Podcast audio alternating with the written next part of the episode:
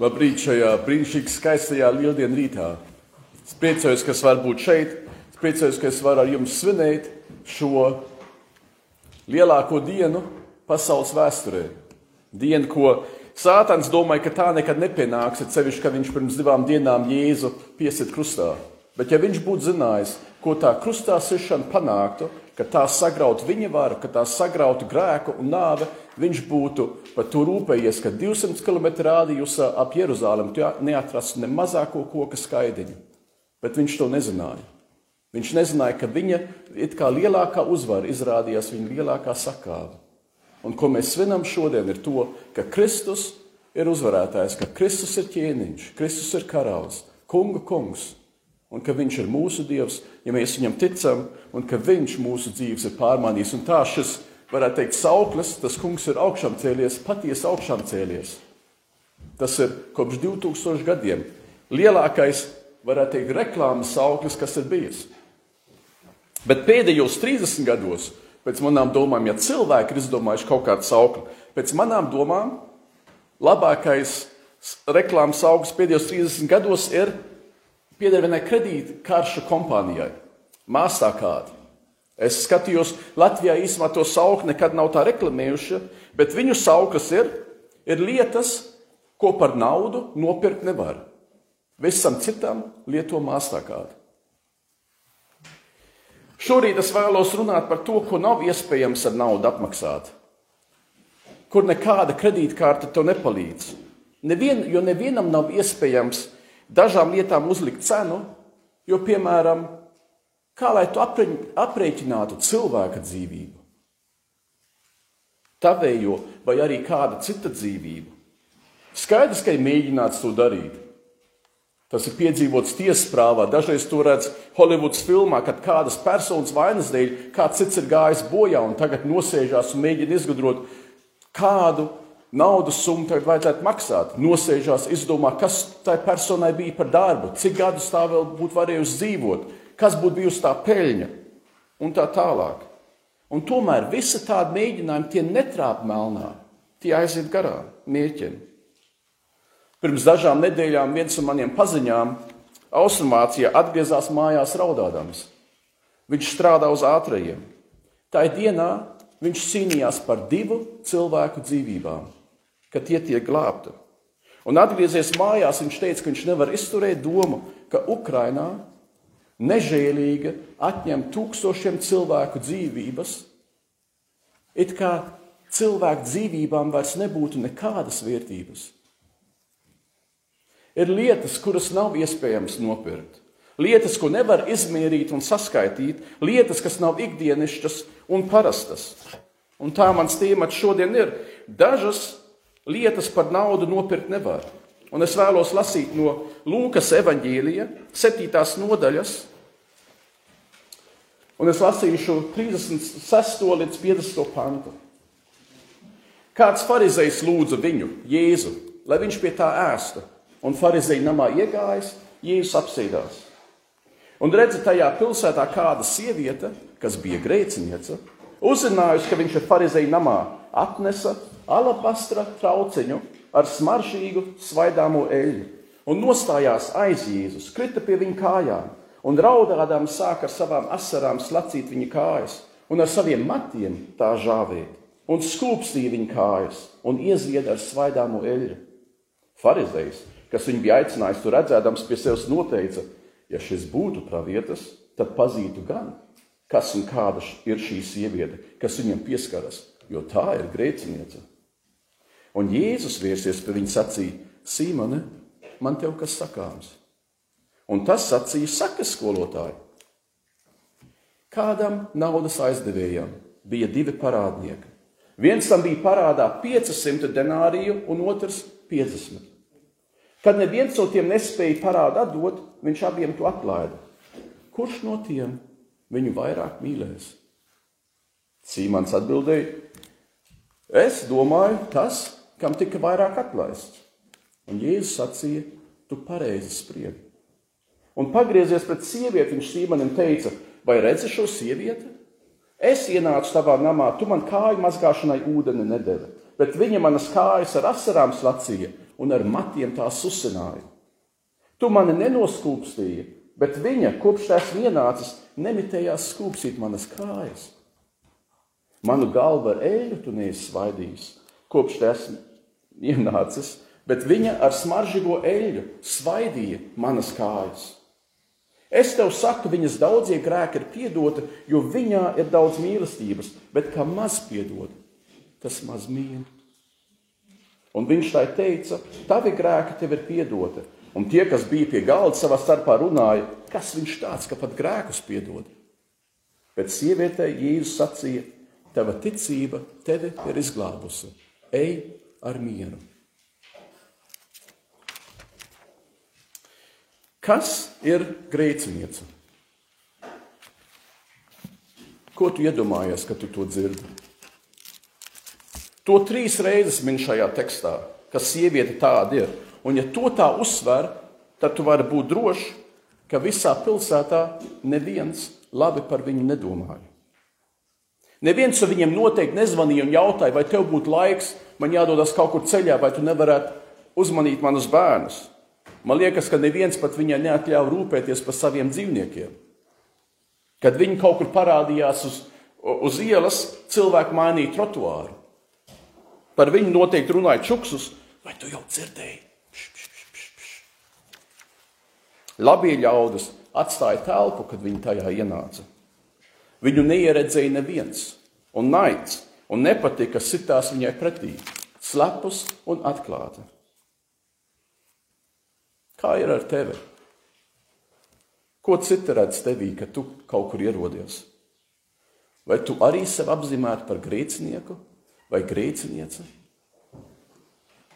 Tas dūlais ir, ka šo slavu tā sieviete galu, laikā, tu, galu galā tomēr pati laikam bija nopelnījusi. Neiet runa par to, ka ļaudīm vajadzēja ar viņu savādāk apieties. Jā, vajadzēja. Toreiz un arī šodien vajag. Jo viņa taču ir cilvēks un ar to viņai pienākas gods. Bet par ko mums nav jāstrīdās, viņa bija mēslos līdz ausīm. Kas vai kurš viņu varētu notīrīt no šiem mēsliem? Ar kredītkarte tur nepietiek. Ir lietas, ko par naudu nopirkt nevar, un atdošana un atbrīvošana no vainas ir tādas nenopērkamas lietas. Lai gan daži to mēģina, tikai kā piemēru, dažreiz to redz ģimenēs, kad vecāki ir daudz prom. Tad bērniem dod visu kaut kādas dāvanas, sliktās sirdsapziņas, ir sevišķi plaši atver naudas makus. Bet ir jau situācijas arī, kad tu savus vecākus daudz neredzi, jo viņi pūlas svaigu sviedros, lai tev dāvātu iztiku, un cerību uz labāku nākotni. Par to es nerunāju. Lai gan tās jau arī ir sāpes. Mātes vai tēvi, kas vieni audzina bērnus. Vecāki ar maziem ienākumiem, kuri, ja varētu, atdot savu labo roku, lai būtu laika priekš bērniem, bet dzīves apstākļi vienkārši tā to spiež, ka viņiem citas izējas nav. Tās arī ir lietas, ko par naudu nevar nu, nopirkt. Bet man rūp tie vecāki, kuriem visa ir, bet tikai trūks laika viņu bērniem.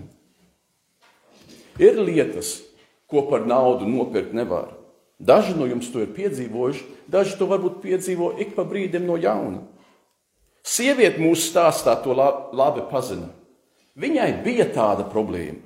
Viņa ieradās svinībās ar trauciņu svaidāmās eļļas, kas apmēram tik daudz maksāja, cik toreizējā vidējā gada alga. 2021. gadā Pēc centrālās statistikas pārvaldes datiem vidējā gada alga Latvijā pirms nodokļiem bija 15,324 eiro. Tātad par naudu viņai nevajadzēja sūdzēties. Nauda viņai bija. Bet viņai tāda nasta sakraut viņas sirdī. Viņa ir nospiesta līdz zemei ar to, ko dzīvē piedzīvojusi un ko pati darījusi. Un viņas nauda nespēja viņai nopirkt brīvību. Viņas nauda nespēja viņai nopirkt laimi un mieru. Ko tu darītu? Jūs esat dažādos vecumos, jauni, veci, vidēji, Bet es esmu drošs, ka dažs labs no jums jau jaunībā ir piedzīvojis tik daudz, ka pietiktu divām dzīvēm. Ko jūs iesākat ar to smagumu jūsu sirdīs? Ar to nastu, kas jums uzkrauta. Ko jūs iesākat ar vainas apziņu, kas jūs moca? Jo vaina jau nav nekas, pa ko lasa tikai grāmatās. Vaina ir īsta, vaina ir patiesa, vaina ir reāla. Un visi no mums mēs esam vainīgi, jo neviens no mums nav nevainojams. Kāda kredītkarte, kāda naudas summa spētu jums izpirkt veselē mieru un brīvību, spētu jums nopirkt nākotni, kurā jūs atkal varētu lolot lielus sapņus, vai spētu jums sagādāt vecuma dienas, pilnas dvēseles miera. Nauda tu nevari. Kredītkartes tam nepietiek.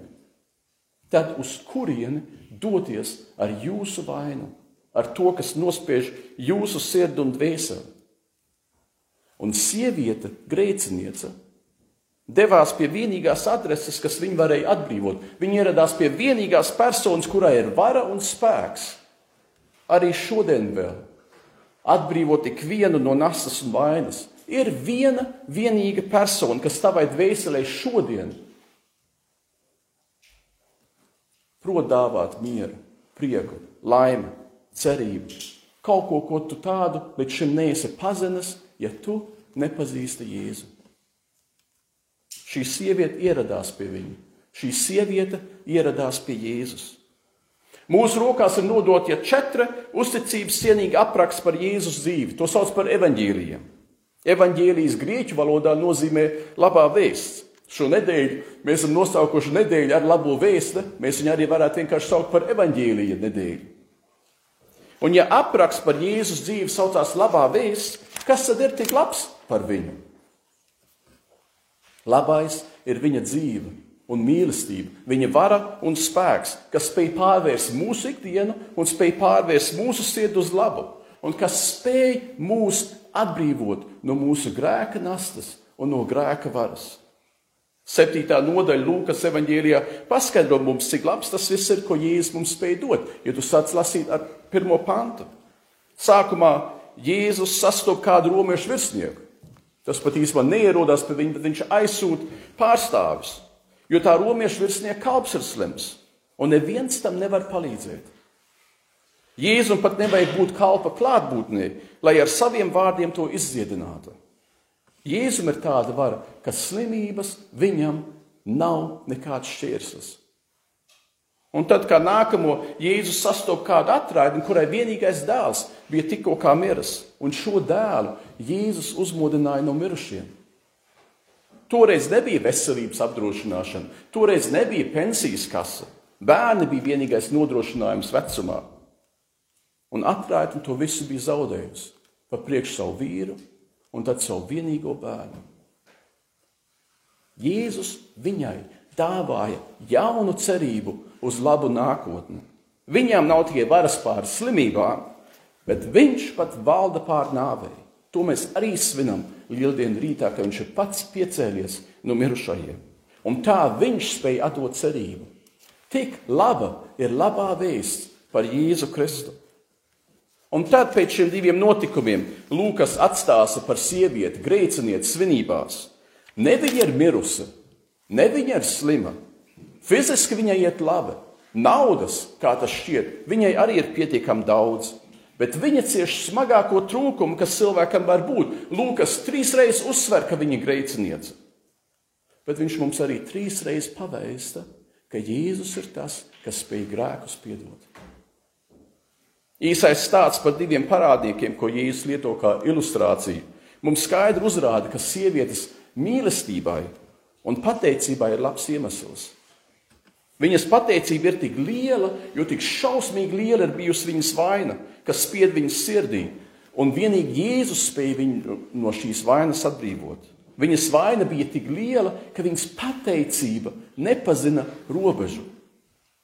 Un ar to mēs varam saprast, un ar to mums jāredz, cik milzīga ir atdošana, ko dāvā un piedāvā Jēzus Kristus.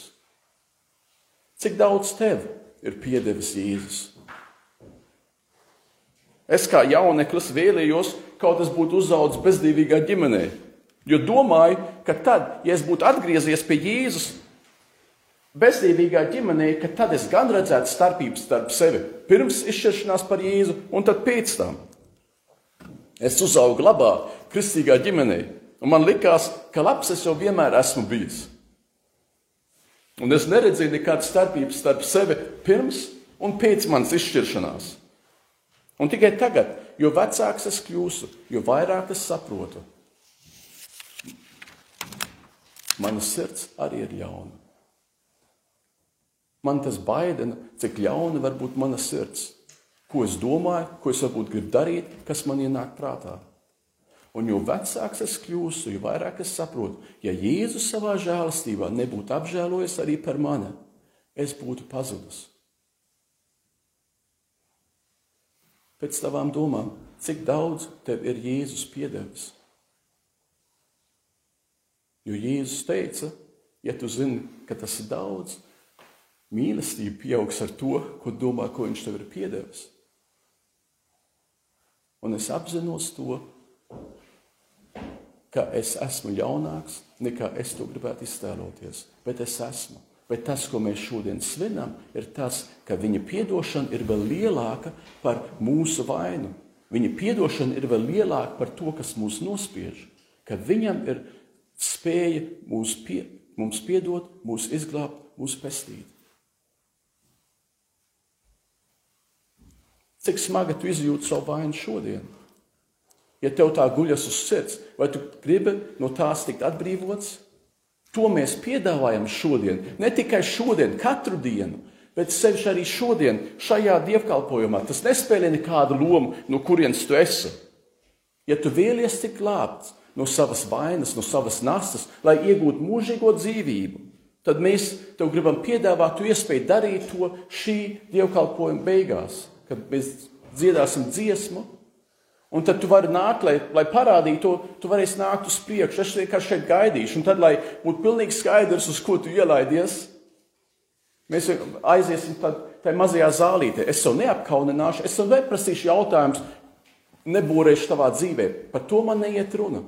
Bet es gribu izprast, saprast to, vai tu patiešām to dari brīvprātīgi, un vai tu zini, uz ko tu ielaidies.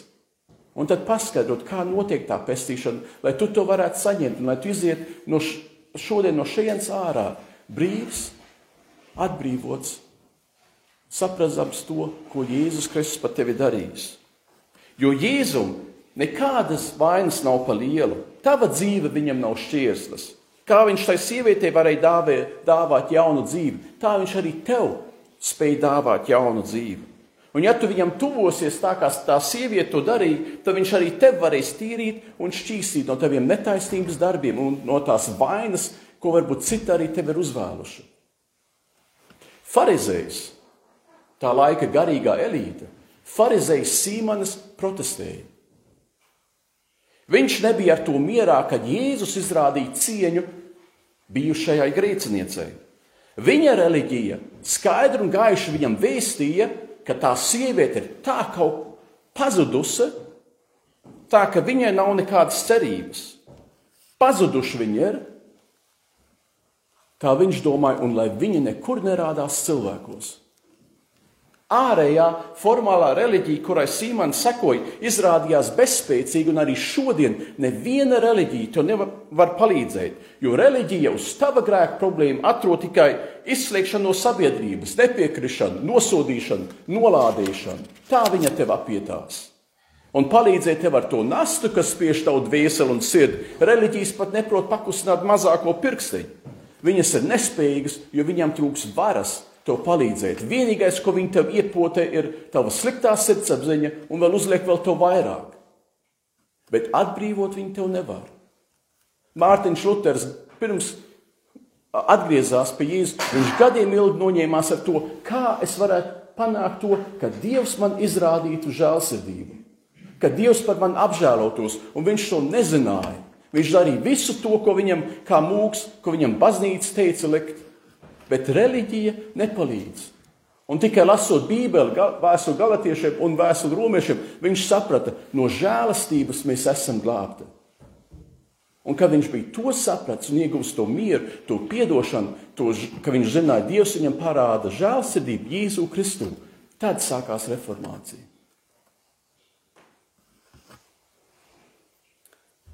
Es reiz lasīju Vācijā vienā lielā avīzē par kādu sievieti, kas uz nāvi nobrauca kādu vecāku vīru lielveikalu stāvlaukumā. Viņa gribēja do, uh, braukt atpakaļ, nepamanīja, ka tur stāvēja kāds aiz auto un nobrauc viņu. Un te, tas žurnālists vienkārši rakstā par viņu tagad, par viņas dzīvi. Viņa neprot vairs atrast atpūtu un mieru. Viņa dažreiz nopērk jaunu lūpsīmolu, uzkrāso lūpas, bet viņa saka, tūņās pēc brīža, viņa tūņās to visu atkal noslaukt, jo viņa ir pārliecināta, ka par dzīvi viņa vairs nevar priecāties. Tādēļ, ka viņai ir šausmīga liela vaina. Viņa ir atņēmusi kādam dzīvību. Viņi vairs nebrauc ar auto. Viņi nevar vairs izturēt to domu, sēdēt pie stūra. Viņi brauc ar vilcienu. Ar vilcienu viņi brauc uz darbu. Tā uh, vilciens sliedas ved garām tam lielveikalu stāvlaukumam, kur viņai tā avā nelaime notika. Viņa apsēžās otrā pusē, lai viņai nevajadzētu pa logu skatīties uz to pusi. Un tas raksts beidzās ar vārdiem: Viņa vienkārši nezina, pie kā vērsties ar savu vainu.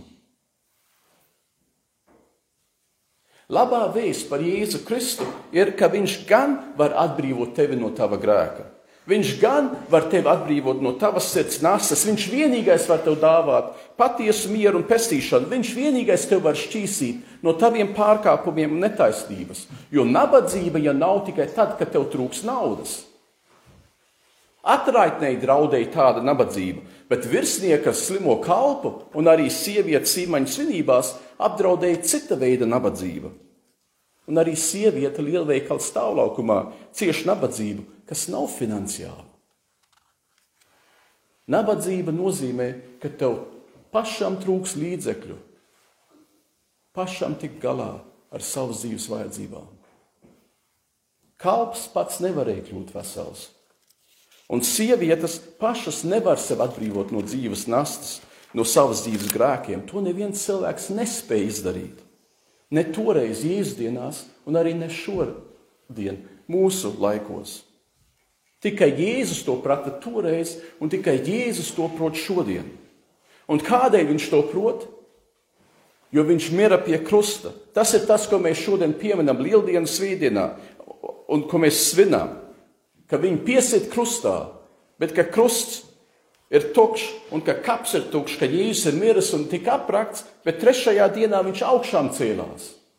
Mēs svinam lieldienu svētdienu, un tu to visu varbūt zini, bet tad jautājums tev, kādēļ Jēzum vajadzēja mirt? Ja tu to apdomā savā prātā, kādēļ Jēzum vajadzēja mirt? Un tu varbūt teiktu, Viņš taču nāca, viņš taču mira par mūsu grēkiem. Tā atbilde ir tik pareiza, ka viņa tik tuvu klāt patiesībai, un viņa tomēr to neatbild. neatbild. Viņa neatbild to jautājumu, ko es stādīju. Un tu tagad varbūt tur sēdi, ja pie ekrāna sēdi un domā, par ko Amadejs runā? Jēzus taču nāca mūsu pasaulē, lai mums rādītu, kāds Dievs ir. Viņš taču nāca mūsu pasaulē, lai mirtu pie krusta un ar to piedot mums mūsu grēkus. Jā, tas ir pareizi. Bet tas neatbild to jautājumu, kādēļ Jēzum vajadzēja mirt. Atbild uzrāda pareizos faktus, bet viņi neuzrāda iemeslu, kādēļ Jēzus mira pie krusta. Ko es ar to domāju? Kādēļ, piemēram, Dievs vienkārši neaizlika roku priekšā savām acīm un teica, ko tā sieviete darījusi? Es vienkārši neskatīšos tur. Kādēļ viņš vienkārši nepiemiedza aci? Kādēļ viņš neteica sievietei, ak, viss kārtībā, Zina, aizmirsīsim to, dzīvojam tālāk, satiekamies nākamnedēļ. Kādēļ Jēzum vajadzēja mirt? Redzi, Dievs ir taisns, bet viņš ir arī pilns žēlsirdības. Tās ir divas dieva, dieva īpašības. Par tām ir skaidrs, bet jautājums, vai kāds var būt taisns un žēlsirdīgs vienā un tai pašā brīdī? Es atceros skolotājus, kad vēl gāju gimnājā, un esmu drošs, ka tev ir bijusi līdzīga pieredze savā skolas gaitās, un varbūt jūs vēl tagad piedzīvojat tādus skolotājus. Ir skolotāji, kas bija taisni.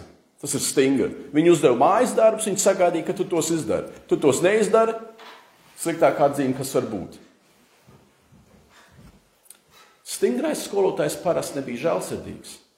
Žēlsirdīgais skolotājs, ja tu neizdari mājas darbu, viņš tā kā piemiedz acis un teica, nu labi, nākamnedēļ parūpējies. Stingrais skolotājs tev iedeva sliktu atzīmi, jo tu to biji labi pelnījis. Bet stingrais skolotājs nebija žēlsirdīgs. Un žēlsirdīgais skolotājs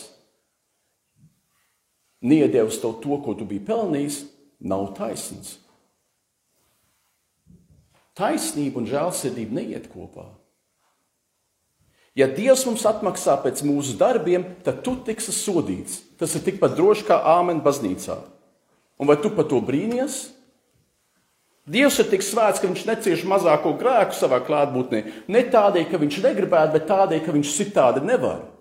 Ja jūs atceraties savus skolas gaitas un atceraties tos pakava magnētus, tad tie magnēti pakava formā sarkans vienā pusē, zaļš vai zils otrā pusē, un tu vienkārši paņēmi divus un mēģini sasupt viņus kopā.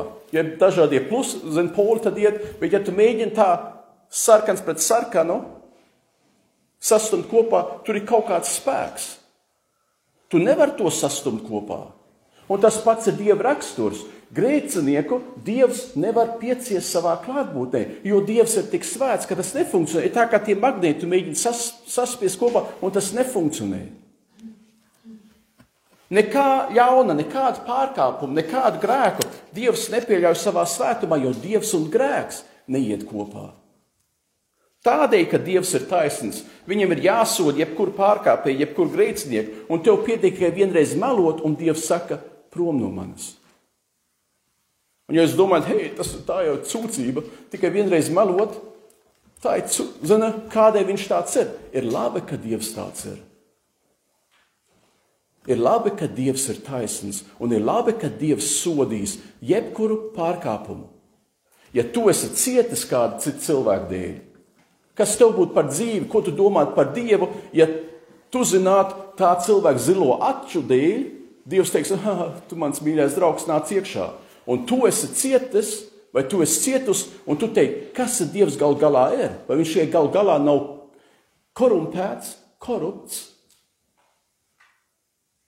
Dievs. Ir labi zināt, ka tas, kas notiek Ukrajinā, tas šausmīgais ļaunums, kas tur ir, kas ir vērsts pret cilvēkiem, ka tie, kas dara to ļaunu, tie netiks sveikā. Dievs pieķers viņ, viņus viņu pārkāpumos, viņš sodīs to ļauno, ko viņi dara. Un jebkuram, kurš ir cietis, tā ir tā lielākā cerība, ka tie, kas man ir nodarījuši ļaunu, viņi netiks sveikā, bet viņi tiks pieķerti un viņi tiks sodīti. Tādēļ ir labi, ka Dievs ir svēts, ka Dievs ir taisns un svēts. Jo ar to taisnību es zinu, viņš nav korupts. Es zinu, ka, viņ, ka tas, ko viņš ir apsolījis, notiks. Tātad viņam ir jāsoda. Bet ir tā, ka ja kāds no tiem ļaundariem lūgtu atdošanu Jēzum Kristum, tad nav arī tā, ka viņiem kaut kāda dāvana iesvies klēpī, kas neko nemaksā. Tā atdošana, ja tu esi darījis kaut ko ļaunu un tu lūdz Jēzus atdošanu, tā atdošana ir šausmīgi dārgi atpirkta. Jo Jēzus ar savu dzīvi samaksāja par to, ka tev tiek piedots. Viņa asinis līp par to, ka vienam ļaundarim tiek piedots. Ir labi, ka Dievs ir taisnīgs. Un ir labi, ka mēs uz to varam paļauties, ka Viņš ir taisnīgs. Jo tā ir cerība. Bet tad Dievs ir arī žēlsirdīgs. Bībelē ir teikts, ka Dievs negrib, ka kāds grēcinieks mirtu savu grēku dēļ. Bībelē ir teikts, ka Dievs vēlas, ka mēs visi nonāktu pie patiesības atziņas. Tad kā tas taisnajam Dievam kas soda jebkuru grēku, ir iespējams izrādīt žēlsirdību vienā un tajā pašā brīdī. Kādam no maniem draugiem notika sekojošais. Viņš pirms daudziem gadiem Šveicē bija mācītājs. Viņa draudzē bija arī kāds policists. Un vienā dienā mans draugs stāstīja, viņš nopērkoja savu auto aizliegumā. Tur nedrīkst nostāt savu auto. Pie auto atgriezies, viņš redzēs logtīrītāju pārkāpumu protokolu. Parakstījies viņa draugs loceklis, tas policists. Mans draugs kļūst dusmīgs.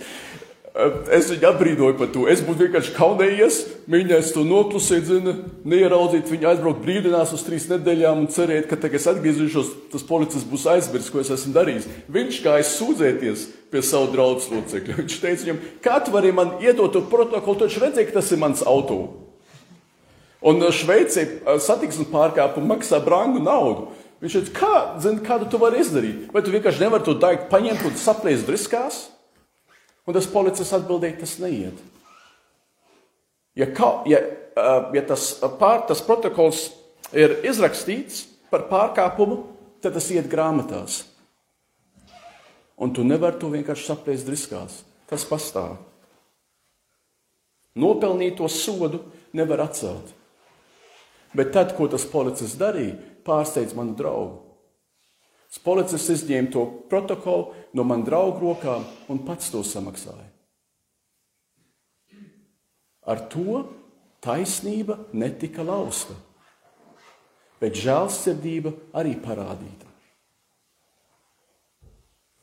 Kādēļ Jēzum vajadzēja mirt?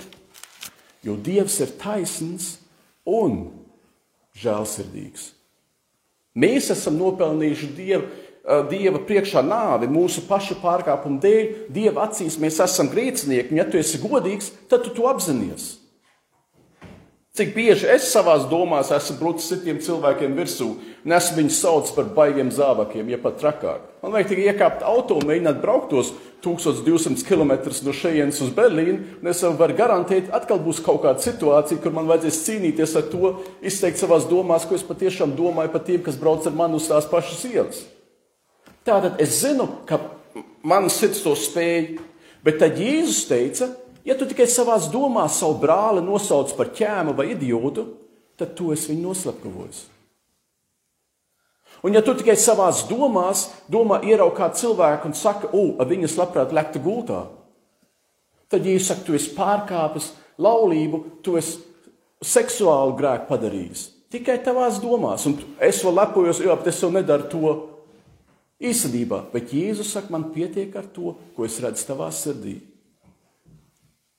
Un kas tikai vienreiz melojas, tas ir pārkāpts Dieva likumu. Dievs saka, pārkāp vienu, tu esi pārkāpis visus. Tātad, kas mūs spēj izglābt? Jo mēs visi cilvēki esam ar vainu. Neviens no mums nav nevainīgs. Kādēļ Jēzum vajadzēja mirt? Jo Dievs ir taisns un žēlsirdīgs. Viņš pats, ja viņš pats izņemtu mūsu pārkāpumu protokolu no mūsu rokām, viņš, kas ir vienīgais bez vainas, tad taisnība netiktu lausta, bet mums arī žēlsirdība parādīta. Tādēļ viņš mira pie krusta. Jēzum vajadzēja mirt, jo Dievs ir taisns un žēlsirdīgs. Un Bībelē ir teikts, ka Dievs tevi tik ļoti mīl, ka viņš deva savu vienpiedzimušo dēlu, lai tu Ja tu viņam ticētu, tas ir uz viņu paļauties to, ko viņš darīja lieldienās. Lai tu, ja tu uz to no sirds paļaujies, tu neiet pazušanā, bet iegūt mūžīgo dzīvību Dieva debesu valstībā. Jo Dievs sūtīja savu dēlu pasaulē nevis lai tevi tiesātu. Dievam nav patikas par to tiesāt. Tādēļ, ja viņš sūtīja savu dēlu, viņš sūtīja viņu, lai tieši tevi glābtu. Kas tic viņam, tas netiek tiesāts, bet kas netic, tas jau ir notiesāts, jo tas nav ticējis Dieva vienpiedzimušā dēla vārdam. Tad kā tu vari satvert šo glābšanu? Jo iespējams tas ir arī šodien. Šo glābšanu sauc par pestīšanu vai arī atgriešanos, un to es tev vēlos paskaidrot. Tie ir tikai divi soļi. Un, ja tu vēlies to darīt liecinieku priekšā, tad nāc, tā kā mēs tevi aicināsim dziesmas laikā, nāc uz priekšu. Divi soļi. Pirmais ir atgriešanās. Pirmā Jāņa vēstulē. Pirmā nodaļā, 9. pantā ir rakstīts, ja atzīstamies savos grēkos, tad viņš, Dievs, ir uzticams un taisns un mums piedod grēkus un mūs šķīsī no visas netaisnības. Tā ir patiesība. Tu atnes pie Jēzus krusta savus grēkus un tu atdod viņam tos. To dari lūgšanā, kad tu vienkārši izsaki Jēzum, ka tu apzinājies, ka esi grēkojis, ka tu apzinājies, ka tu bez Dieva esi pazudis, ka tev vajag šo pestīšanu, ka tu tiktu sodīts, ja Dievs būtu tik taisns, un Viņš ir taisns.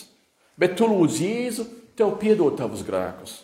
Un, ja tev kāda nāk prātā, tad labi, ja tu tos piemini. Bet, ja tu tikai zini to, ka tu esi darījis, saki vienkārši, lai viņš tev piedod tos, tos grēkus. Tev nevajag meklēt savā pagātnē, katru atsevišķu un alfabētiskā kārtībā viņu salikt, un tad tev būs piedots. Nē, tev ir piedots, jo Dievs ir pietiekami liels. Ja tu viņam lūdz, lūdzu, piedod man. Un Jēzus, kas pie krusta tavu grēku dēļ mira, tev labprāt piedos un tev šķīsīs no visas tavas netaisnības. Tas ir Dieva apsolījums, un Viņš to darīs. Un kad tu to esi lūdzas, tad tu saki Āmen. Un Āmen jau nav nekas cits, kā tikai tu saki, lai tā tas ir. Zīmoks virsū un tas ir droši. Un tu būsi brīvs no saviem grēkiem. Un tad otrais solis ir, tu vari apzīmēt kā piedzimšanu no jauna. Bībelē ir teikts, Jāņa evanģēlī 1. nodaļā, 12. pantā, tiem, kuri viņu Jēzu uzņēma, kas ticēja viņa vārdā, viņš ļāva kļūt par Dieva bērniem. Tas ir tas brīdis, kad Dievs tev kaut ko dod, un tu to ņem. Un tā ir piedzimšana no jauna. Tā ir pilsoņu tiesības debesu valstībā. Tu saņem kā vērtīgāko, bet nepelnītu dāvanu mūžīgo dzīvību, grēku piedošanu. Jēzus tev ir glābis, viņš ir tev pestījis. Un tad ir labi, ja tu krīt ceļos, vai kā tu arī gribi lūgt, un tu saki, Jēzum, paldies par to, ko tu esi saņēmis. Jo tas tā ir. Tas tā notiek. Atzīsies viņam savos grēkos, un viņš tev tos piedos. Un ar to viņš tev dāvā mūžīgo dzīvību. To tu vari darīt tagad, to tu vari darīt arī vēlāk. Es jau novēlu to drosmi, ka, ja tu man to skubinājumu, kad nāc uz priekšu. Un, kā es teicu, es tev neapkaunināšu. Es gribu palīdzēt izprast, kas tas ir par soli, palīdzēt izprast, kas tur notiek. Un, ja tev nav drosmes, apzināties to, ka Dievs aicina, labāk saka jā. Izšķiršanās par Jēzu ir tā svarīgākā izšķiršanās tavā dzīvē, kas tev var būt, jo mēs visi dzīvosim mūžīgi, bet ne visi dzīvosim debesu valstībā. Un, lai tu nonāktu debesu valstībā, tev savu sirdi un savu dzīvi ir jānodod Jēzum Kristum. Un tas varbūt ir grūti, ja tev domā par to, darīt to cilvēku priekšā. Dažreiz ir labi to darīt liecinieku priekšā, kad tu precējies, arī bija liecinieki tev apkārt. Kad iet uz skolu, tad visvecākie skolēni, es atceros, pirmā skolas diena, Talsos otrā vidusskolā. Mēs kā pirmklasnieki 1. septembrī ieradāmies ar puķiem tik un tā. Un tad visa, visas vecākās klases stāvēja apkārt tajā laukumā. Mēs, pirmklasnieki, vienkārši vidū visiem, visiem priekšā. Un ka vispār svinēja to, ka mēs sākam skolu. Es nedomāju, ka tas ir tik brīnišķīgs iemesls svinēt. Tev ir jāatceļās no rīta, jāiet kaut kur, jāmācās, dabūt sliktas atzīmes vai, vai sazina ko. Bet tomēr liecinieku priekšā mēs to darījām. Un tā tas dažreiz smuki arī liecinieku priekšā izšķirties noteikto. Dažas lietas par naudu nopirkt nevar. To tikai Jēzus var darīt, bet tu to vari tik brīvi saņemt, kā to tā sieviete izdarīja, kas aiz pateicības nāca un svaidīja Jēzu ar dārgāko eļļu, kas viņai bija. Un, ja tu vēlies saņemt to pašu dāvanu, tad nāc, kad mēs dziedāsim.